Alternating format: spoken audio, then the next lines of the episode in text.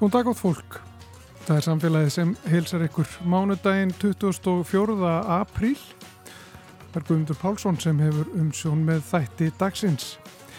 Við viljum heimsækja barnaspítala Ringsins sem fagnaði fyrir í þessu mánuði að 20 ár eru liðin frá því að starfsemi hófst í þá glænýju húsi, glænýjum barnaspítala. Við viljum að spjalla þar við Yngibjörgur Pálmadóttur sem var heilbreyðisráð þeirra í aðdraðanda þess að spítalinn var reistur Önnubjörg Eðvarsdóttur, formann Ringsins sem hefur lagt til mörg hundruð miljónir í rekstur spítalans og Áskir Haraldsson, professor og yfirlækni þar. Og meira af áhugaverðum húsum, samfélagið var um helgina statt á vestfjörðum, þar á meðal á Flateyri, þar sem nú er reysið nýtt hús. Það eru nefndagarðar fyrir líðskólan þar. Runólfur Ágússon, formaður stjórnarskólans, ætlar að sína okkur húsið og segja okkur frá. Svo heimsækjum við í lok þáttar þjóðskjálasafn Íslands eins og við gerum reglulega. Að þessu sinni ræðum við, við Kristjónu Kristindóttur skjálafur þar. Hún hefur ansakað lénsreikninga frá 17. öld sem safnið varveitir. Hún ætlar að draga fram forn skjöl og sína okkur þau og segja frá. En við byrjum á barnaspítala Ringsins.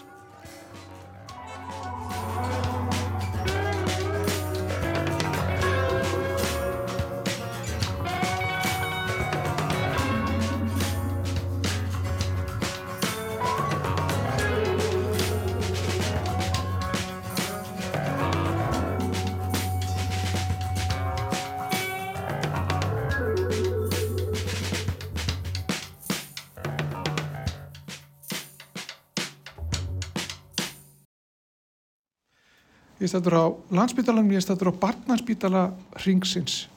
Nýja spítalanum uh, sem er reyndar hann 20 ára gammal. Það er nefnilega þannig að fyrir þessu mánuði þá voru 20 ára liðin frá því að starfsemi hóst hér í þessum spítala og manni finnst þetta vera glæði nýtt ennþá eiginlega þegar maður lappar hérna inn. Og núna verður að byggja ennýri spítala hérna kannski 50 metrum frá og uh, það hefur gengið eins og það gengur. Uh, daldi hægt en það gengur og það er að gerast. Þessi spítali var daldi lengi á dagskrá. Uh, svo var hann tekið nótkun hérna 2003 og í aðranda þess var heilbriðis á þeirra Ingeborg Pálmadóttir og hún er hérna, hérna hjá mér. Uh, getur þú sagt okkur aðeins frá því hvernig þetta gekk að koma þessum spítala upp og, og ræsa þessa starfsemi hér vegna þetta gekk svona daldi brösulega er það ekki? Það, þetta snýst aldrei mikið um peninga eins og, um vart Já, fyrst viljum bara óska öllum til hamingi með 20 ára ámarið barnaspítalar vegna þess að þessi spítali skiptir okkur öll máli að bara þjóðina. Því að hinga koma, komum við með börnun okkar þegar að mest á reynir. Og þess vegna viljum við náttúrulega hafa hér fullkomna þjónustu og til þess þar svolítið til. Og að því þú sagðir að það hafi verið langur aðdrandi þá er alveg rétt. Og áður fyrir var það hannig bara venjulega voru kannski fjög börn á stofu og kannski fjóri foreldrar á dínu á gólfunum í kringum börni sín.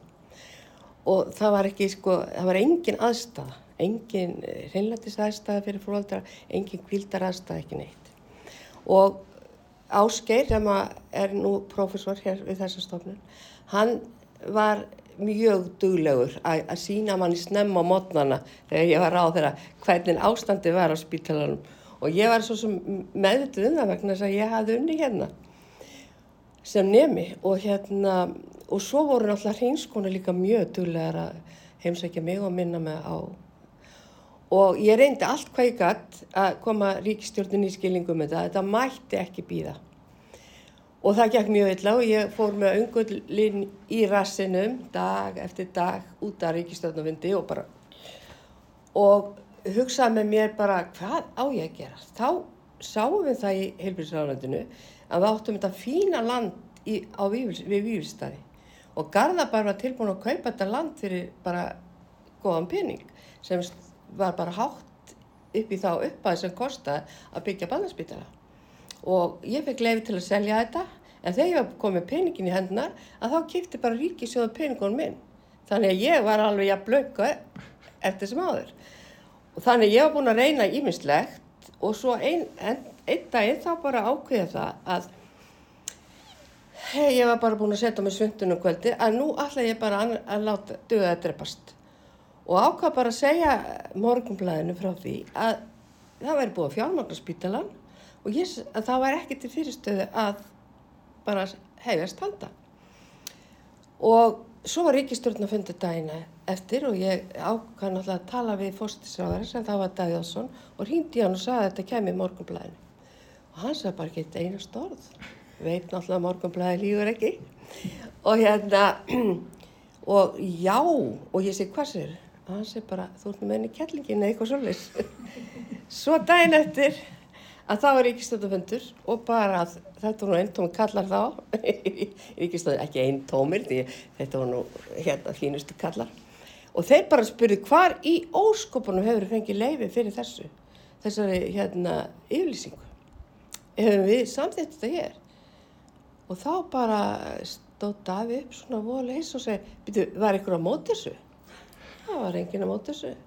Þar með var bara þetta komið af stað Svo tók nú tíman sinna hérna ímislegt, hérna, það var mótmæli hérna í nágranninu, þetta skýður svo rosalega nágranninu alltaf. En þá hérna notaði náttúrulega starfsfólki, sérstaklega ásker, tækifæri til að stakka spítalan. Mjög mikið, þetta átti fyrst að kosta miljard, ef maður rétt, og bara meðan að fólki mótmælti þá var þetta komið upp í einn og halva miljard og ég man ekki hvað þetta endaði, en allavega að þá sagt endaði þetta vel því að þetta er hérna mjög góð bygging. Og þú segir, sagðir ég upp af því, hún er ný, hún glæð ný, sko okkur finnst það vegna þess að það hefur gengið rosalega hægt að byggja í heilbríðistjónustunni og, það er bara aðeins ein bygging hérna á þessari lóð sem er nýri og, og það er hérna sjúkrahóteli sem er hérna, sem er nú komið sér ákveðlega vel, en hérna Svo þegar að maður nýtur þjónstunar hérna, en þarf að njóta hennar og nýta, að þá sér maður þetta sko í, í náttúrulega nýjuljósi og ég er eina þeim sem á fullta barnabönnum, þannig að ég á, á allavega sjö sem hafa þurft að vera hér yfir skemmriða lengri tíma. Og þau segja allavega krakkarnir mínir sko að þeim þykir svo væntum starfsfólki hérna sem segir náttúrulega allt mögulegt. Og ég á eina fimm ára sem kom inn ofta öll að pína nansi mikið og stinga. En hún er samt, segir, segir, sagði í fyrra þegar afinn var búin lengi veikur, þá sagði hún bara, heyrðu, amma þetta gengur ekki, farðu meðan að batnarspítal ringsis, því þar batnar fólki. En það er eins og gengur, allur gangur og allu, en ég veit að fólk leggur mjög mikið á sig og ef það leggur mjög mikið á sig þá þarf það líka aðstöð og ef það hefði ekki hringin sem kemur svo með sem sagt öll tækin og tólinn alltaf tilbúin, alltaf nýjasta þá, þá værum við ekki eins vel stödd eins og við erum í dag. Þannig sko þetta er samvinnuverkefni það er engin sko eitt sem gerir neitt en saman getum við gert svo stóra hluti og það getum við gert í helbriðstjónustunni og ég býð eftir hérna stóra spítalanum þegar allt er komið í gang þá getum við að fara að tala svolítið jákvæðra um helbriðstjónustuna Þegar að fyrsta skóplustunga var tekin hérna Já. að þessu húsi, mm. Barnaspítal Hrengsins 2000 hvað var það? Það var 1998 Einmitt Já. Já. Þú fyrst að gera það? Já Hvernig leiðir þá? Ó, mér leiði rosalega vel. Og bara, þetta var bara e, svo skemmtileg garrigjuna að ég maður vissi að það er svo mikil gróand upp úr því. Og alveg eins og hérna e, ég fekk nú fallega mynd af þessu tækifæri núna á amalsdag spítalans. Og þá hérna sá ég konurnar í kringum mig, það var náttúrulega formaður ég hérna ringsins sem var hliðin á mér, það var framkvæmtastjóri fórstjóri spítalans sem var Vigdís Magnúsdóttir. Og það var hérna, já, var bara einn gott fólk í kringum málið. En ég segi bara enn og aftur að, þetta er aldrei gerst nema vegna þess að starfsfólki hér, það ítti mjög fasta eftir þessu og það bara vakti þjóðina til vitundar um mikilvægi málsins. Mm -hmm. Og hérna Ásker var nú bara fremstur í flokki í þeirri sveit og hérna þannig hann á miklar takki skildar fyrir það eins og svo margir aðrir. Takk fyrir það Ingi Björg Pálmadóttir fyrirhandi Hilbriðsáþara. Hér er líka Anna Björg Eðvarsdóttir sem er formaður ringsins. Eh, þið í ringnum, þið getur nú verið stoltar af, af batnarspílar ringsins. Þið eru búin að leggja mjög mikla vinnu á okkur náttúrulega og búin að, að, að leggja mikið til þessa spítala. Hann, já, eiginlega væri ekki þar sem hann er eh, nefn, með ykkar aðstóð. Nei, takk fyrir það. Eh, við erum mjög stoltar af spítalánum og stoltar af starfseminni sem fer hérna fram hérna. Náttúrulega starfar stórkvæmslegt fólk, velmentað og, og, og með hjartaður eftir stað. Þannig að það er okkur mikil, mikil gleði að, að leggjast áraðna með því. Þannig að spítalinn sé vel búin að tækjum. Þannig að börnun okkar fái bestu helbriðistjónustu sem að hugsast er.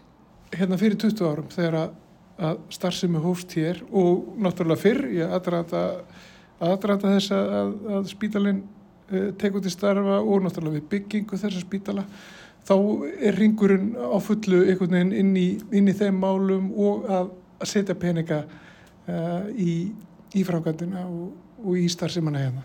Getur sagt okkur aðeins bara frá því hvað, hvað voru þetta miklu peningar og, og, og hvernig gekka aflæðira? Sko í upphafi þá uh, héttu hreinskonu því að leggja 100 miljónir til spítalans en þegar upp var staðið þá voru það 150 miljónir sem, sem við lögðum í, í spítalan pluss síðan aðra 50 miljónir til að útbúa litlu kvítu rúmin eins og segir, sagði í, í fundagjara bókum hérna að kaupa sérstaklega rúm og, og húsbúnað og allt sem þurfti Og til þess að geta þetta þá náttúrulega eh, er það byggið, byggðið það og sjálfbúða vinnu félagskvæna en ekki, ekki síst líka eh, hugulsemi eh, fyrirtæki og almennings í samfélaginu við það að styrkja við þetta málefnu sem ég held að allir hafi verið sammálið um það hvað þetta skiptir miklu máli að koma þessu máli áfram og gera það vel. Þannig að, að við fengum náttúrulega ríkulega stuðning frá almenningi og fyrirtæki. En, en sko þetta voru miklu peningar þá, en við áttum okkur ekki alveg á því sko þetta væru í dag það meiri peningar. Þetta, þetta, ef við myndum framregna þetta þá er þetta miklu, Já, miklu herru. Jú, jú, jú, þetta sé hvað, hálfu miljardur, cirka, Já. sem við settum í þetta þeim tíma. Hvernig farið það því að samna svona miklu peningum? Bara svo þú getur útskipta fyrir mér. Hva, hvað er það sem þið hafi? Hvernig farið það þessu? Sjálfbúið að vinna félagskvæna, þær eru að prjóna og þær eru þannig, þær eru svo metnaða fullar að þær sko leggja nánast aldrei frá sér prjónuna. Mm. Ef þú sér hinskonu þá er hún alltaf með eitthvað í höndunum að vinna eitthvað, sauma út, föndra, gera eitthvað og uh, við sko nánast seljum hverjan er í kaffibólan allt, og allt fyrir sjóðun okkar. Þannig að, að hérna, smá saman sapnast þetta, er þetta ekki bara hérna, heimilisbókaldið goða? En svo, svo hafa komið reglulega síðan náttúrulega framlög frá, úr, frá hringnum eh, til spítalans. Það er, það er bara reglulega sem að þið styrkið starfsemi spítalans. Jú, við gerum það. Ég hugsa að séu svona á, ár, árlega svona meðaltali 50 miljónir sem að við leggjum til spítalans í alls konar Eh, til alls konar tækja að kaupa. Við fáum styrkbeðinni frá leknum inn á spítalanum og líka sko deildum innan landspítalan sem að sinna veikum börnum, ekki bara barnaspítalanum og eh, okkur er bara mikil ánægja að kaupa þau tæki sem þarf. Já. Og svo höfum við líka gert að þegar það eru tímamót annarkort hjá félaginu eða spítalanum að þá gefum við oft stærri gafir og það getur þá verið peningagjafir sem er notaður upp í tækjaköp. Er þetta fyrirkomulag sem er annars þar, vistu það? Að, að sagt, spítalar séu reknir með svona miklu gjafafíja frá einum aðla? Nei, ég held að það sé alveg einstakt. Alveg einstakt. Og okkur þykir mjög gaman að, að hérna, geta verið snöggar að taka ákvarðanir ef það vantar eitthvað tæki skindilega út af ykkur í aðgjör sem þarf að að gera. Að þá, menna, ég hef lendið því á kvöldi til að fá ringingu og, og svo er bara sendu postur og við bara ákveðum að kaupum þetta og þá bara máli klást þannig að við breyðumst fljótt við og okkur þykir mjög gaman að geta það. Takk fyrir það Anna Björk Öðarstóttir formaður Ringsins. Hér er líka Ásker Haraldsson, profesor og yfirleiknir. Þú ert Áskerinn sem að, ekki fyrir að tala um áðan, hvað breytist þarna fyrir, fyrir 20 ára síðan þegar að starfseminn hófst hér á barnaspítalaringsins, nýja barnaspítalaringsins, glænija? Það breytist ótrúlega margt, nánast allt. Það voru í Reykjavík tvær almennar barnadeildir. Svona síðustu metrunum áður við fluttum hér inn þá var ákveðið að samina þessa deildir og þær færi báðar hér inn. Núna starfa ég á sérgreina skiptum mjög öflugum barnaspílararhingsins í einu húsi. Það sem að all, all starf sem er mun auðveldur og mun betri og mun betur skipulögð. Við erum með legudeildir, bæði fyrir almenna sjúklinga, skursjúklinga og svo sjálfsögðu gjörgjæslu nýpur og fyrirbur eða vökudeildina. En það hefur gengið ótrúlega vel á þessum deildum í nýju umhverfi að stitta legutíma barna þannig að þau getur verið stutt og mögulegt er á spítalunum. Það eru þetta mun betri aðstæða fyrir foreldra. Þetta byggir líka á því að við erum með mjög öfluga bráðamóttöku, við erum með velskipilaga gungudeild og við erum með alveg ágæta dagdeild sem að gerur, gefur okkur þann möguleika að geta útskrifa börn fyrr. Við getum fyllt þeim eftir betur á gungudeild eða á dagdeild. Börn getur komið stutta meðferð eða stuttar aðgerðar á dagdeild þess að þeir þurfa að liggja næturlangt á spítalunum. Þannig að allt umhverfi fyrir börn og fjölskyldu þeirra er, er, er alveg gjör breytt við þess, þessar aðstöður. Það sem verður þetta bak við þetta er, er annars vegar þetta góða húsnæði og svo ótrúlega stuðningur sem við njótum sem er sem er koma hérna fram á þann er, er ótrúlegur og skiptir öll að greiðarlega miklu máli og þetta og svona ímislegt fleira gerir það verkum að, að starfsandi á spítalanum er frábær við erum svo heppin að, að, að hafa algjörlega frábært starfsfólk á barnaspílar ringsins í öllum stöðum og öllum starfstittum þannig að þegar allt þetta leggst á eitt í nýju og betur húsnæði þá held ég að við getum verið, verið stolt á árangurinn. Hvernig serðu þennan spítala síðan þróast? Um, viltu horfa 20 ár fram í tíman er það hægt? Ja, við reyndum það þegar við vorum að, að gera áallanir fyrir þetta hús þá reyndum við að horfa 20 ár fram í tíman það er ótrúlega hvað sem breytist eins og framkom þá var húsið upp að ótti að vera tölvöld minna en það tókst að hafa það umtalsett starra heldur en fyrsta áallanir gerður á fyrir En, en til dæmis þá komur hinn heil deild sem var á borgarspítalunum kom hérna einn líka sáum ekki fyrir þennan fjöldabatna sem er, er núna. En það sem er tekist eins og ég nefndi ótrúlega vel er að stitta legutíma og gera meira án, án innlagnar á spítaluna sem er algjörlega frábært. Framtíðin er svolítið erfið en, en við sjáum þetta fyrir okkur að það verða, verða fleiri börn sem að mun kalla á ennþá meira húsnæð, ennþá betur húsnæð og það þarf svona að fara að huga að því í tengslu við, við, landsbytalasvæðið. En það er líka maður sem er að breytast. Við erum að fá betri og betri meðferðir sem að áfram halda áfram að bæta árangur en jáfnframt oft á tíðum að stitta legutíma og, og jáfnvel með minni aukaverkunum.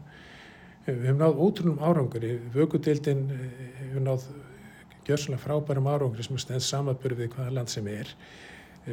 Aðrar greinar er á svipnum stað við náðum frábærum árangur í krabbamins með fyrir barnas og dæmis er tekið og, og ég held að ég geti tekið einlega hvaða, hvaða undir sérginn sem er að við stöndum jafnfætis félögum okkar á Norðurlandum en það er ekkit auðsótt að halda þeirri stöðu og við þurfum að vera stöðugt á þánum til þess að fylgjast með nýjungum og framförum við erum auðvitað ótrúlega vel tækjum búin svo fram með komið og, og skiptir auðvitað greiðlega máli ekki bara fyrir okkur því að ef að ringurinn hefði ekki stutt svona vel við barnaspillar ringsins þá hefði landsbítalinn sem slíkur orðið að kaupa eitthvað að tækjunum, önnur hefðu orðið að vera án.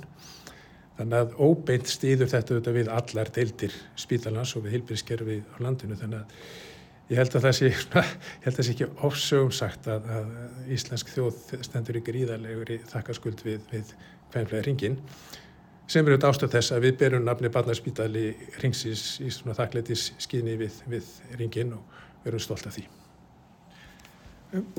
Það, þetta gekk svona daldi hægt að koma þessu spítala upp.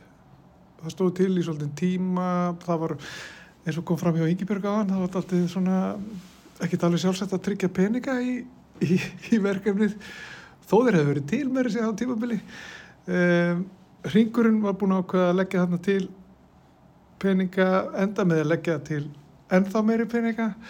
Uh, hvernig svona, hvernig var þetta fyrir þig þarna fyrir 20 ára síðan þegar að svona á tímabili leit út fyrir að þetta væri alveg gerast og svo leit út fyrir að þetta var, er þið eitthvað erfiðar en það síðan varð og svo frávið sko, það þurfti einhvern veginn að, að græja málið með stuttu fyrirvara og svo vanta allt innu peninga og allt innu voru þeir komnir aftur og þá hvað ringur þetta bjargar, getur sagt okkur aðeins bara frá, frá Já, þess já, þetta var, þetta var daldil rússipunnareið og, og það var yfir mjög ánægilegt þegar að Ingeborg Pálmadóttir var heilbíðsáður því að það var alveg ljóst að hún hafði mikla ástriðu fyrir málufrámum heilbíðsmál og, og sérstæli fyrir byggingu barnaspillarringsins og þá svona fóru hjólina snúast en þetta var svona eins og þau segir það er alltaf lægð á leiðinni, það er alltaf eitthvað við að koma.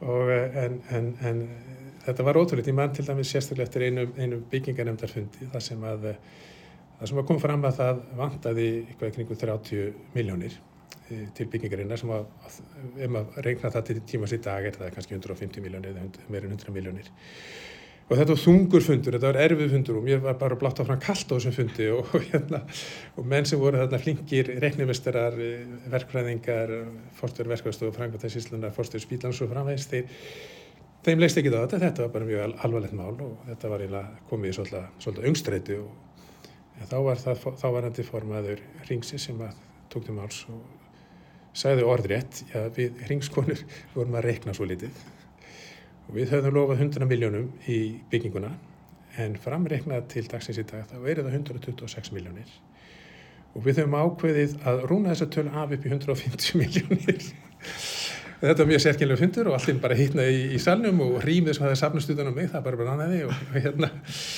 og, og fundur bara laug með þessu, já það var bara ekki fleira á, á, á, á dagskránni og þetta, þetta listi þennan, þennan hnút bara alveg snildalega en, en uh, svo bætti þær við meira fyrir, fyrir tækja köpum og svo framvist þannig að ég, ég er nokkuð samferður um að ef maður framreiknar gafir þeirra frá því að þær lögðu pening í bygginguna og öllu tæki sem þeirra gefið okkur í gegnum árin þá er þetta tölvöld langt á, á annan miljard eh, króna.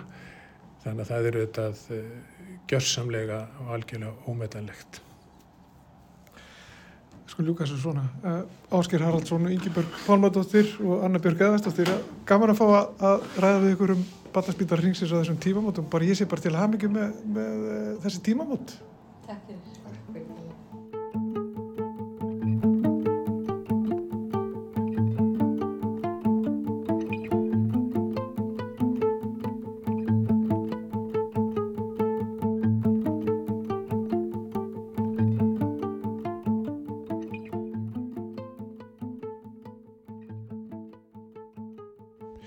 Ég stættur á Flatteri og hér skinn sólinn og uh, það væsir ekki um fólk á Flatteri í dag.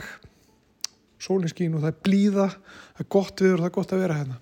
Og hér er Runólfur Ágússon, hann er formaður stjórnar líðskólans á Flatteri og við erum stattir inn í nýjasta húsinu. Við erum stattir í nýjasta húsinu hér. Uh, þið eru að láta byggja þetta hús fyrir ykkur og það er svona Það er alveg að koma, þetta er alveg að smelta. þetta er rétt að svona, við erum á lokametrónum. Þannig að hér er búið að mála og verður eftir helgi byrjað að fara að setja byrjatingar og vinna í gólvefnum og framvegis og við stefnum á að húsi verið tilbúið svona upp úr setjum hættin í mæn. En það er rétt, þetta er fyrsta húsi sem er byggt á flatir í 27 ár. Jáhá. Þannig að það er tölver áfangi. Jáhá. Og af hverju ákvaðu að ráðast í þetta? E, þegar við stopnum skóla fyrir fimm árum þá var markmiður um að nýta það húsnaði sem er til staðar í þorpinu. Og hér eru við fútlu veiðihús sem að þýskir stangaveð með nota á sömrinn og eru komnir. Og eru komnir núna, já, já. og við notum það fyrst árin en eftir að snjóflóði fjall hérna fyrir hvað þrem, fjórum árum þá var okkur banna það eðlumál sem samkvæmt. Þetta er á hættusvæði eða talið vera varhóvert svæði. Og þá var okkur eða þurftum bara til þess að tryggja húsnæði fyrir nefnendur að byggja þannig að, að þetta er bara að smella, hérna eru 14 íbúðir fyrir 14 nefnendur og þá erum við komið með húsnæði fyrir cirka 30 nefnendur samtals, við áttum fyrir gamla dvalarheimilið sem eru líka nefnendagarðar og þetta verður þá viðbót sem að tryggir núverandi þörf nefnda fyrir húsnæði. Já. Þessi skóli einhvern veginn sprakk bara út. Þetta byrjaði svona, aldrei svona rólega og var svolítið svona hóvært og svona pæling bara og það var nú gaman að gera þetta og sniðut að gera hitt og svo hefur þetta bara einhvern veginn sprungið út. Þetta hefur gengið e, mjög vel og er algjört ævintýri. E, við erum með tvær brautir, annars vegar e, útibraut sem við köllum, sem er leggur áherslu á útivist og umgenni við náttúruna, sjálfberðni, ferðast um náttúruna, lifa af veturinn á vestjörðum og hins vegar það sem er komið innibraut, sem er áherslu á listir. Og uh, þetta eru mjög ólíka brautir og skemmtilegu nefndahópur og þetta hefur gengið mjög vel og nefndum gengur vel, þeir eru ánæðir uh, við getum sagt að þetta sé uh, hafi verið mjög nöðsynlega viðbútt við okkar skólakerfi. Þarna var gat sem að enginn var að sinna. Og aðsóknin er góð. Og við erum stolt af okkar nefndum og þeir eru ánæðið með skóla sinn og lappa hér út beinir í baki á vorin eftir ástvöld og það er öllum holdt að búa eitt vetur á platteri. Mm -hmm. Og sumir halda bara fram að heima hér? Já, já, við erum við vandraðum með að losna við nefnendur. e, Nefndahópurinn okkar er fyrst og fremst ungt fólk á höfuborgarsvæðinu, 90%. Fólk er umlega tvítut, ég held að meðalaldur er 22 ár og eðlum alls í samkvæmt þá kemur fólk hér og kynnist og myndar samband og verður ástfangið og eignast börn og, og það hafa millir 10 og 20 nefnendur sérst að hér í sveitafélaginu og bara það er að komin tölvöld mörg börn á leikskólan Já. og þetta er náttúrulega ákveðin endur nýjun á þessum samfélagi og bara gríðarlega eitthvað svona þakklátt og gott verkefni. Mm -hmm. Segð okkur hans meira frá, frá húsinu. Um, hvernig ekki fyrsta lagi að finna lóð undir þetta hús? Þetta stendur nú bara besta stað í bænum. Sko, uh, hérna, gödumyndin hér í Hafnastrætun á Flatir er náttúrulega eitthvað svo fallegast á landinu. Þetta er náttúrulega svona skyline, enkenni þorpsins. Við erum, við erum ekki haldið nefnir minnum alltaf kent hér eins og heyri, sko. En uh, það var sem sé ein lóð laus í þessum tangarði sem við getum sagt svo og við fengum hana Það vísu kom nú í ljós í ferlunu þegar Ísafjara ber alltaf frá útluta þá var loðin í eigu kaupfélags önfyrðingar sem fór nú á hausin fyrir einhvern 50 árum eða svo. Það skapaði svona ákveðin lögfræðilega vandamál sem maður þurfti að leysa en það var bara leist eins og allt annað. E, húsið er hannað af yrki arkitektum. Solveig Berg er þar aðal hönnuður og hefur tekið þetta afar vel. Mjög flinkur hönnuður. Við lágðum mikla vinnu í hönnuna forsendur. Við vildum að húsið myndi endurspegla gömlu húsin hér á eirinni en samt vera nýtt. Þannig að það myndi passa hér inn í skal og formi. Og ég held að okkur hafi bara tekið þetta nokkuð vel og ég heyri bara að íbúar hér eru mjög ánæðið með þetta hús. Finnst það fallegt og góð viðbót við þorpið.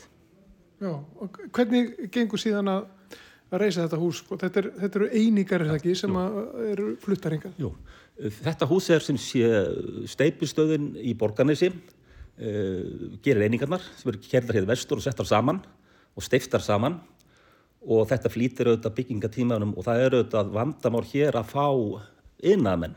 Það er mikil skortur innamennu hér á vesturinn. Þannig að þetta leisti ákveðið vandamál. Og, og mikið að gerast. Og mjög mikið að gerast, ja, mikið ja, að gerast. Gríðarlega, gríðarlega framkvæmdir sem tengjast fiskaldi aðalega og hérna, og við hrendar í fleiri geirum. Þannig að það er, það er mjög mikið að gera hér og mikið uppbygging. Og mikið bara líf og fjör. Já, er þetta á áallun? Þetta er á áallun. Við erum að vísa svona mánuð eftir en við klárum okkur á þessu. Já, mánuð eftir, það þykir nú bara gott. Já, mér þykir það afleitt, en, hérna, en við, við klárum okkur á þessu og, þetta er bara að loka metrum. Við, sem sé, gerum ráð fyrir að taka húsið í nótkun núna í byrju júni og þá er allt klárt. Um, þetta eru nefnendagarðar og hér er starfsemi á vetuna, þetta Já. er skóli. Já. Uh, hvað, hvaða starfsemi verður hér í þessu húsi? Eh, og eða hverjir gist, munu gista hér í þessu húsi þá á sömri? Í sömur verður þetta leikt út til ferðamanna en framtíðarsýnin er svo að við erum að vinna núna að þriðju brautinu við skólan sem verður alþjóðabraut, kent og ennsku uh, undir vinniheitinu Living in the Arctic og þá munu stefnum að það sem nefendur við þá braut sem verður kent tíu vikur á sömurinn uh, búið hér og þá er húsið í nýtingu allt árið. Já. En núna vantar, eins og við þekkjum, það vantar gistir í mjög á vesturum. Já, já. það er mikil skortur á því og, og þar þarf að byggja upp og slá í klárin. Það eru að verða mikla breytingar í ferðarþjónustu hér með opnun á þessum nýja ringvegi, helsásvegi og styttingum Texco og, og, og hérna Dinjandi segði og hérna dýrafjáragöngin. e, eftir þessa breytingar verður orði stittra til flatera frá Reykjavík heldur en til Akureyrar. Þannig að það er mikið að breytast hér og, og þá skapast svona þessi ringvegur hérna á vestfjörðum, heilsásvegur og þá e, mun öruglega ferða mennskan aukast enn frekar en það er núna eins og það er ekkert gistrým að finna á vestfjörðum fyrir einhvern veginn haust. Það er allt uppbókað. Já. En þetta er ekki bókað. Jú, þetta er bókað. Er það? Já, já. Ertu, ertu búin að, ertu búin að leiða allt, húsið? e, hérna, Fissermann á, á, á Suðureyri er með þetta hús á leigu, eru með ferðarþjónustu og, og, og hafa tekið þetta á leigu sumar og mun nýta þetta í sumar en framtíðan nýtingin verður nefnendur. Já. Þannig að þetta hús sem við stöndum í núna sem er, um, það er langt komið en það er nú ekki alveg tilbúið. Það, Þetta er rétt að verða búið, láttu ekki svona. Þú, þú gerir ráð fyrir því að hérna veri bara ferðamenn í sumar. Já, Já. og ég held að það sé bara meira menn að búið að, leiða það út og selja. Já. Ertu mjög bjarsýn maður að? Eða, Ég er, já, ég er bjarsitt maður og ég er líka pínu brekkusækin og það er auðvitað bara skemmtilegt að vinna krefjandi verkefnum. En þetta verkefni hefur auðvitað mjög mikla sérstöðu. Uh, við sem að stopnum þennan skóla uh, fórum uppalega til yfirvaldi eða mentamála herra þáverandi og fengum enga áheyrn. Þannig að við raunverulega rákum skólan uh, hópur fólks í eigin rekning fyrst árið. Söfnuðum 50 miljónum og rákum hann fyrst árið og það gekk svo vel að þá sem sé fengu við raunverulega uh, fjárvettingu frá mentamála yfirvöldum og þeir hafa staðið mjög vel með okkur síðan. er ykkur áformum að stekka inn meira? Já, við erum raunverulega með þessar tvær deildir og það er auðvitað bara kennslu aðferðin er raunverulega allt öðru vísi en í vennilegum skólum. Eh, Það má segja að þetta sé bara back to basis. Við erum notað sömu kennslu aðferður og bara var notaður í Gríklandi kannada. Littlir hópar sem sitja með kennara og læra af kennaranum og meðkennaranum. Þannig að, að við erum með tvær 15-20 manna brautir og þær geta ekki orðið stærri. Bara setupið er þannig. Hvort sem menn, menn er að við fáum hérna bara margt að færast að listafólki landsins sem er að deila sinni þekkingu og reynslu og kunnóttu og hæfni með nefnendum við erum líka með í útiverstarbrautinni gríðarlega öflugt fólk. En þetta er allt sem sé byggir á þessari nálgun. Hér eru engar engunir uh, fólk fær bara vottur um það að vera í skólanum en þú ert hér að læra á þínum forsöndum fyrir þig og þroska þig sem einstakling. Og þetta er módelið en eins og sé, við erum, erum núna að vinna þá að þriðju brautinni sem er þá mæntilega 15-20 manns líka og þá er skólinn komin í endalega stærð. Já, svona 60-70 nefndur ári. Þið þurfum ekki að byggja meira þá. Jú, Já, við höfum að gera það. Okkur náttúrulega vantar skólahúsnaði já, og hérna og við þyrftum raunverulega að bæta við okkur uh, sko, okkur, okkur vantar, við erum ennþá með cirka tíu nefendur í öðru húsnaði í, í, í þorpinu sem sé ekki húsnaði okkar vegum heldur sem við leigjum og það er vandræði. Þannig við þurfum okkur vantar litla einingu. Þetta eru 14 íbúðir og 10 viðbútt myndi leysa okkar mál til lengri tíma. En svo þurfum við að fara að huga því að reyna að finna hendur að kennsluhúsnaði og það er kannski næsta stóra verkefnið. byggja það. Byggja, já, já. allt. Það er ekki Já, já. Þetta er auðvitað sko skóli, uh, skóli hér hefur gríðarlega samfélagslega þýðingu og kannski má kannski líka sko honum að umfangi við flatiri bara við háskóla Akureyri og Akureyri sem við sjá hvað hefur haft mikil áhrif á uppbyggingu þar og þetta er sambærilegt og alþjóðabrautin þegar hún kemur þá náttúrulega er hún sjálfbær tekjulega og þetta er að skapa arð. Við erum með fjöldafólks í vinnu. Uh, við erum hérna með á hverju ári líklega ykkur á 40 kennara sem koma mikið á að fara og fyrir utan þrjá fasta starfsmenn uh, reyndar fjóra. Og uh, þetta skiptir máli fyrir þorpið og er bara burðarás í aturlífinu Rönnólfur Ágússon, uh, formaður stjórnar líðskólans á, á Flatteri, ef við fara út í sólina. Sólin skín, Sólin, Skín á sólin skín alltaf á flatteri það er svolítið. annarkort á utan við innan. Það er bara, hér er gott að vera og fólk skinnjar þessa þessa ótrúlegu dýnamík í þessu lilla samfélagi og þennan kærleik og, og þessa ást sem hér er og það er bara hvergi betra að vera hér. Það er bara þannig. Og ég mæli með því að bara fólk komi hér í skólan og upplifi þessa einstöku reynslu því að vetur hér breytir lífi fólks það er bara þannig Sko ljúka þessu svona og drífa okkur út í sólina. Takk fyrir þetta. Takk fyrir leiðis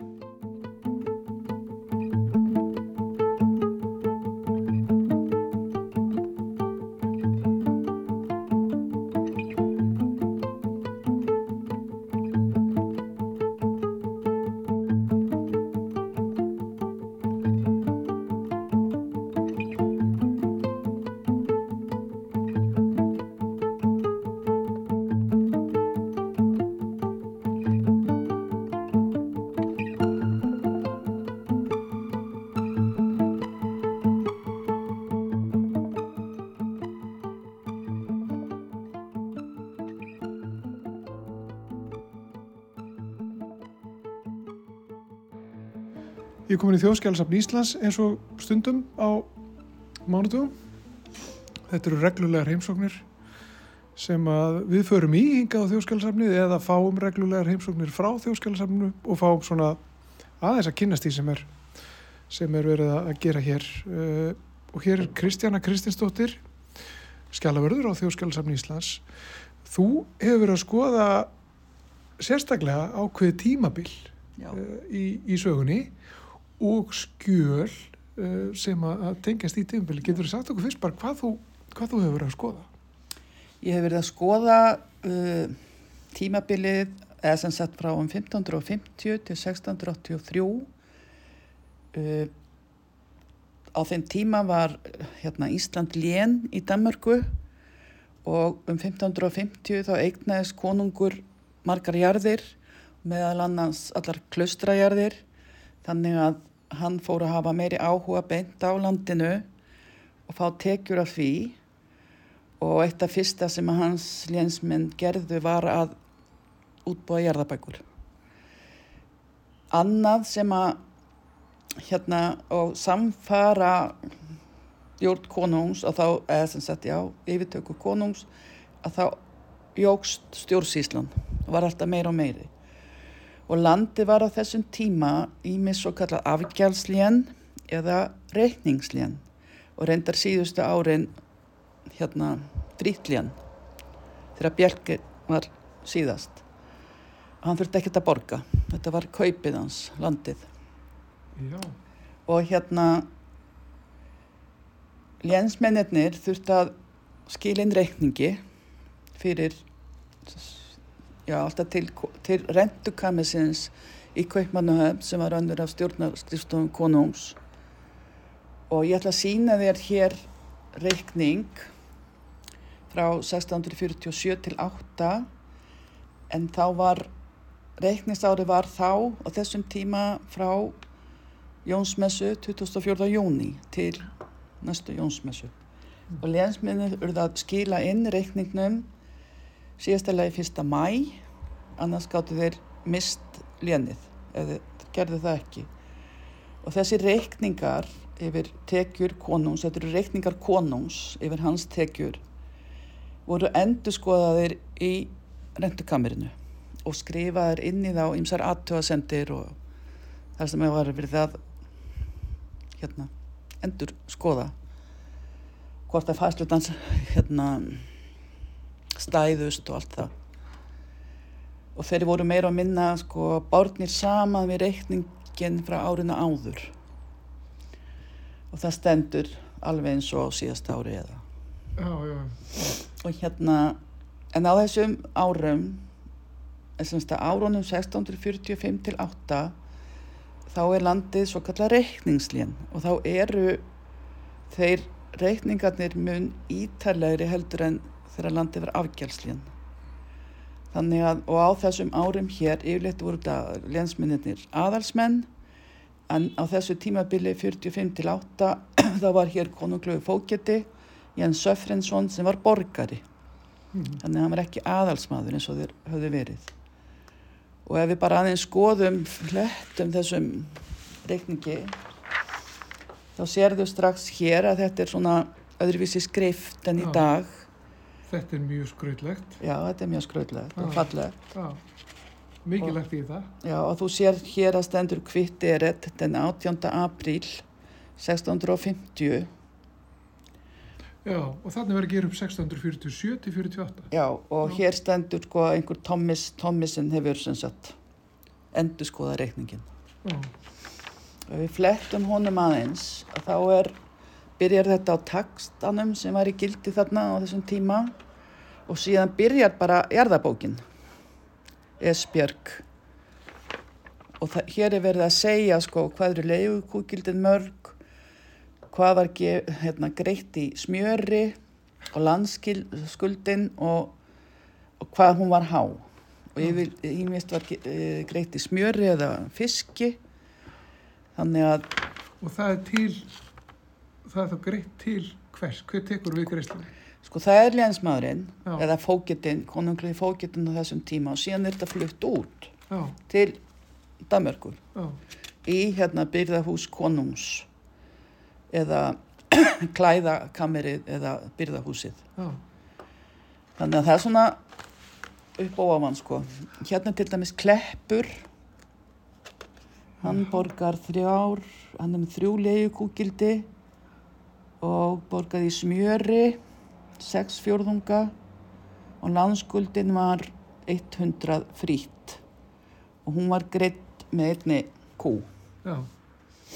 Og þetta eru, sagt, þetta eru jarðir sem að komast í eigu konús, Já, þarna við síðaskiptin já, og, og uh, þetta eru tekjur sem hann hefur af landinu. þeim, þeim eignum og þetta Já. er mikið, þetta eru margar jarðir. Já, já, já, já. Þetta er, þetta er bara guttbringusísla hér fyrst. Já, Svo koma, sko,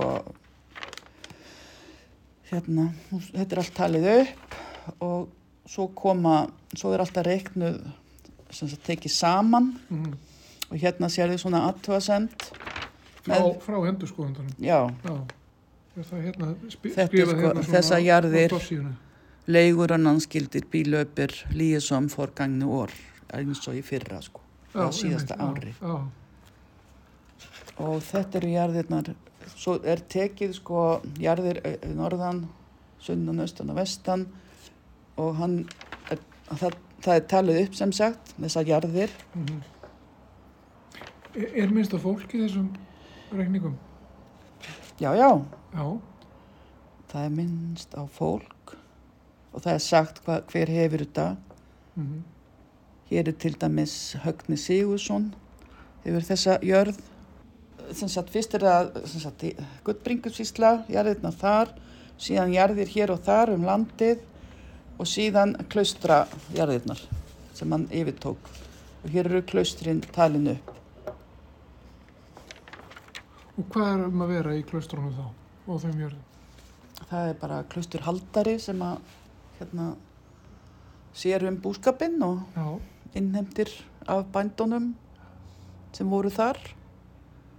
Munkarnir eru náttúrulega lengur farnir, sko. já. Er vita hversu mikla tekjur sko, ef það verið tekið saman bara, veist, hvað þetta voru mikla tekjur fyrir konung? Er hægt að leggja matta það?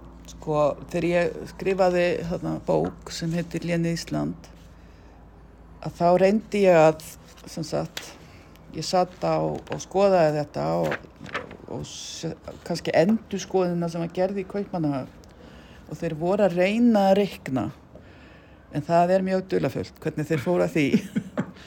og tölurnar eru sko 6.000 ríkistalir, 7.000, 9.000 veistu, maður, það, sko, ég allavega treysti mér ekki til þess að reikna hérna hvað er þetta mikið að smjöri, hvað er það í Mhm. peningum? Einmitt, Þú veist, ég bara gata það ekki. Næði. en ég, Svo sko, eru kúgildi og... Já, allt þetta. Já, og mannslán og hvað það heitir allt. og, en sko þegar landi var afgjálslíðan þá greittu líðansmennir 3200 ríkistali til kongs. Mhm. og hann fekk það. En svo fengu þeir allt hitt sko og þeir hafa fengið öruglega svolítið að annars hefur þeir ekki vilja koma hingað eða? Allavegana en á þessum tíma 47, nei, 45 til 8 að þá eru var rentu, nei, já, rentukamin að reyna að reikna út tekjurnar. Og það er svona cirka 6-7 þúsund sem fegst af landinu. Mhm. Og það er svona að maður hérna, eitt herskip lítið á þessum tíma kostaði 6.000 ríkstali. Já, já, já, þannig að þetta er svona til hvað þetta er mikið. Já, og hérna eru svo síslu hérna af, gjöld af síslunum þær eru taldar upp hver að fætur annar hér. Og hér er sageirinn býtur nú við, já, það er útskýru það nú fyrir mér. það er hérna frá hverri síslu og svo sérðu hér í til hliðar kemur út eins og áður og svo er vísað í reikning, litera A. Og þá get ég sínt þér hér þennan reikning þannig að hver síslumadur átt að skrifa upp, þetta er meira og minna sko hórdómsbrot Já, og kannski þjófnaður. En sem sagt hér kemur hver sísla og hér er til dæmis borgarfjörðasísla það var hórdómsbrot og það var hérna Andrés Jónsson með Guðrúnu Helgadóttir í hórdómsbroti sem sagt fyrir hórdómsbrot og það gaf 16 ríkstali er það sekt eða hvað? Já, það er sem sagt þetta var bannað þau hafa verið Jú, eitthvað jú, já. já. og þau þurft að greiða þess. Já, Já. Það Og er kannski hér- bara verið vel sloppið að þurfa bara að greiða er Já, sennilega. Já, Já, það fór eftir brotinu Já, og hversu oft þú hafið já, brotið af þér nefnir. og hér sérðu þetta litera A sko, Já, þetta er já. vísun í Já, já, já. þennan þetta Er þetta, er þetta með eldstu skjölum hér í þessu safni? nei, nei, Nei, nei, alls ekki. nei, nei, nei. Nei. Þetta er svolítið fort svona að sjá. Þetta er, Já, já, þetta er náttúrulega ekki þetta það var ekki gert í þetta gær Þetta eru bara já, já, já, hérna er sem sagt svo sérstakur reikningur fyrir Guttbringu síslu Mm. þeir náttúrulega lendu vest í kongi sem voru næstir besastöðum og viði og því sko Já, hér er að allar styrsta fara Já, og hér er til dæmis eins og Engei við sitjum til dæmis í herbyggi hér sem heitir Engei og sjáum hana hérna út um gluggan já, já. og hún var sem sagt bændaegn hann hefur heitað Erlendur. Erlendur í engi. já, sem sagt á þessum tíma. Já, og hann þarf að greiða í tíund og toll og hérna húsmanns toll og svo stendur hérna tilkommandi menn. Það hafa verið menn sko sannilega sko eins og síslugjálsmennir og hérna mannslánin mhm, sko hafa verið, verið með einhverja hjá sér. Já, og hann þarf að greiða fyrir það sko. Já. og jörðin er bónda eitt stendur. Þannig að þetta er rauninni skattur. Já, já, já, þetta er það sko. Var, var, uh, var konungur duglegur við að skatleggja fólkið hann? Var þetta, bara eins og þetta var minni ég sagði Ísland var lén og það var bara alveg eins og önnur lén. Mhm, við vorum ekkert öðruvísi. Skilur það er alltaf að tala um eða hafa einhverja sérstöðu það, ég get ekki séð hana hér. Nei, og menn vildi á þessum tíma fara eftir Jóns bók lögunum íslensku. Það vildi kongur líka. Þannig að mikið af málum eins og í öðrum lénum voru afgreitt í léninu á alþingi og þannig að við erum ekkert skýrum okkur ekkert sérstaklega út. Nei. Hvað eru svona, hvað eru svona skjöl mikilvæg heimild fyrir bara, já, fólk eins og þig sem er að rannsaka þessi mál og gafst nú þessa bók, Lénið Ísland, uh, búin að rannsaka þetta mikið. Hva, hvað er þetta mikilvæg heimild, sko, að þetta sé til og þetta sé aðgengilegt og svona, hvað segir þetta okkur mikið, sko, hva, hvað er hægt að, hvað er hægt að nýta þetta mikið til að, að bara skoða bara, bara samfélagið eins og það var til dæmis. Ég, þetta er náttúrulega reikningar sem að sko lýsa Íslandi kannski sérstaklega hérna í kringum Gullbringu eða í Gullbringu síslu og ef við flettum aðeins áfram eins og hérna eru mannslán það eru sem skilda að róa á bátum konungs. Og þetta eru mennirnir sko, sem að gerðu það. Og na, hérna nafna hérna formannana er getið. Og þeir eru margir. Þetta eru Já, já, þetta er, þetta er útgerð konungs. Já, Þannig að maður getur séð hana svolítið og maður getur séð vinnufólkið. Því eru greitt laun. Hérna er allt sem kemur inn. Og svo er það sem að kom inn, reikna saman hér og síðan koma útgjöldin. Og það er fyrst hérna, hérna útgjöld vegna lögmannana, hérna er Átni Oddsson, hann fær launin sín greitt og þú sér að það er nummer eitt, vísað í og lögmannsins hérna sönnun fyrir hann að við fengið þessu laun af því það fylgja hér kvittanir og hér er hér er þessi Laus blöð inn í.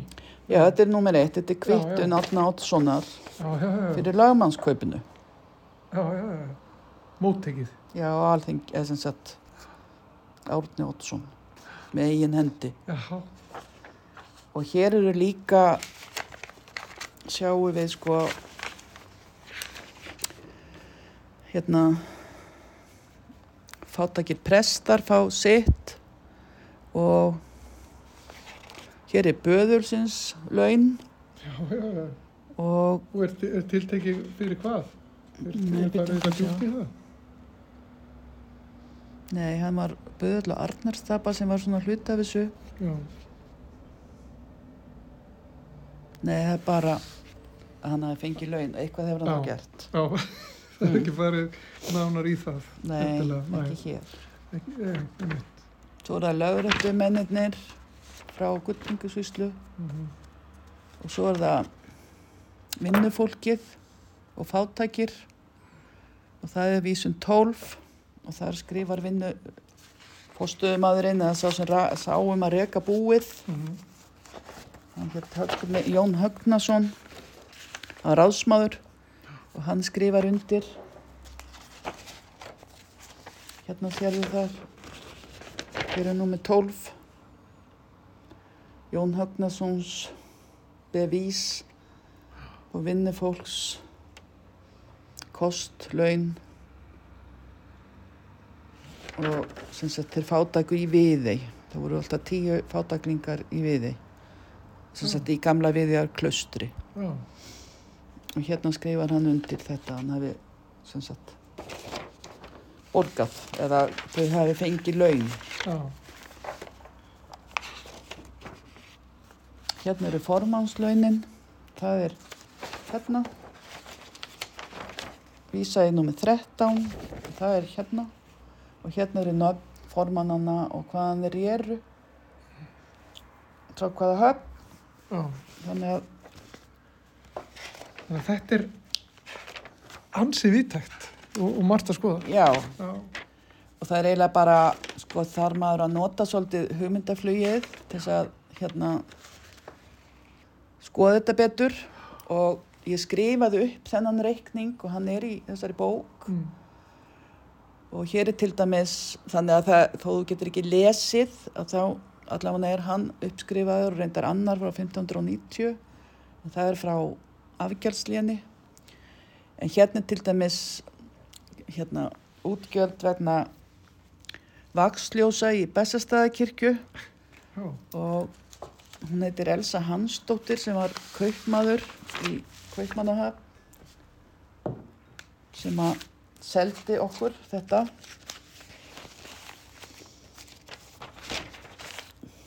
Hérna er hún einhvers staðar.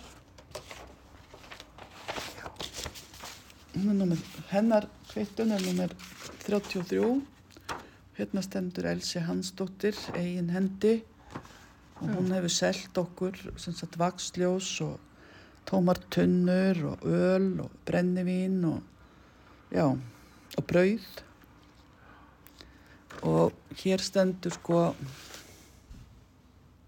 er út í den bevís 33 og líðið svo forgangnu orð þannig að hún hefur selt okkur líka já, þetta er bara og í fyrra.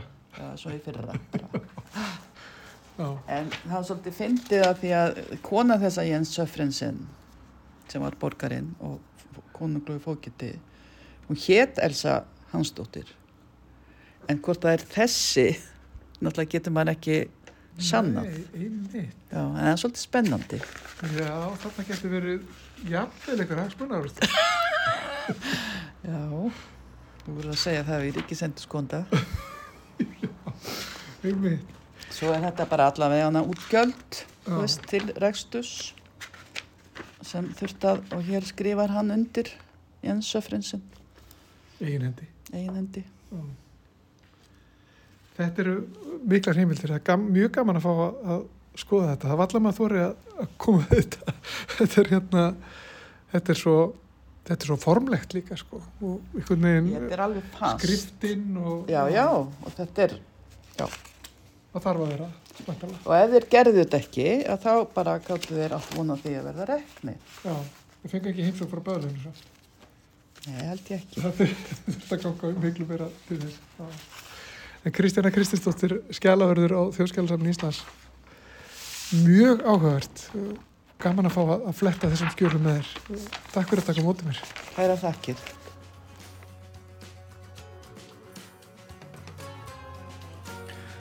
Og með þessari heimsókn samfélagsins á þjóðskjálasafni Íslands líkur þættinum þennan daginn.